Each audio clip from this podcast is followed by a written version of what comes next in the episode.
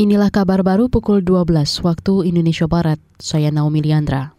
Badan Riset dan Inovasi Nasional BRIN akan menjadi penyelenggara survei demografi dan kesehatan Indonesia SDKI 2022. Kepala BRIN, Laksana Trihandoko, mengatakan hal ini sesuai amanat Presiden Joko Widodo terkait integrasi pelaksanaan survei nasional.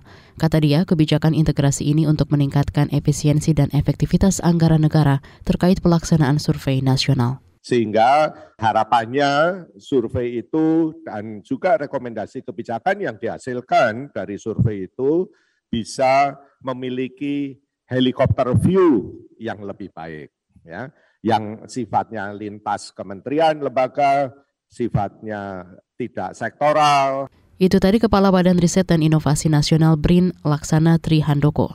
Sebelumnya SDKI dilaksanakan oleh Badan Koordinasi Keluarga Berencana Nasional BKKBN dan Badan Pusat Statistika BPS.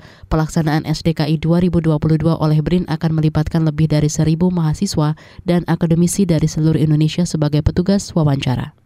Pemerintah Provinsi Papua Barat bakal menutup tambang emas ilegal di wilayah itu. Pejabat Gubernur Papua Barat, Paulus Waterpau mengatakan hal tersebut sesuai permintaan Menteri Investasi Bahlil Lahadalia saat rapat koordinasi di Manokwari, Papua Barat 15 Juni lalu. Setelah kami rapat, kami akan menyampaikan beberapa hal yang berkaitan dengan tindakan yang dilakukan cepat oleh pemerintah di provinsi ini mengamanati tugas yang ada dari pemerintah pusat melakukan tugas yang melakukan penegakan Saya mau mengimbau saja kepada para tokoh masyarakat yang punya daerah konsesi ini, tolong pertimbangkan betul untuk melakukan membiarkan atau melepas haknya mereka untuk dilakukan penambangan secara liar oleh Pejabat Gubernur Papua Paulus Waterpau menyebut saat ini area penambangan ilegal di Papua Barat yang masih beroperasi ada Wasirawi, Kabupaten Manokwari, dan Minyambau, Kabupaten Pegunungan Arfak.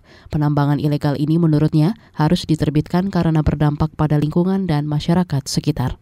Thailand melarang warga di bawah 20 tahun mengonsumsi ganja usai siswa berusia 16 dan 17 tahun dilarikan ke rumah sakit setelah diduga overdosis marijuana.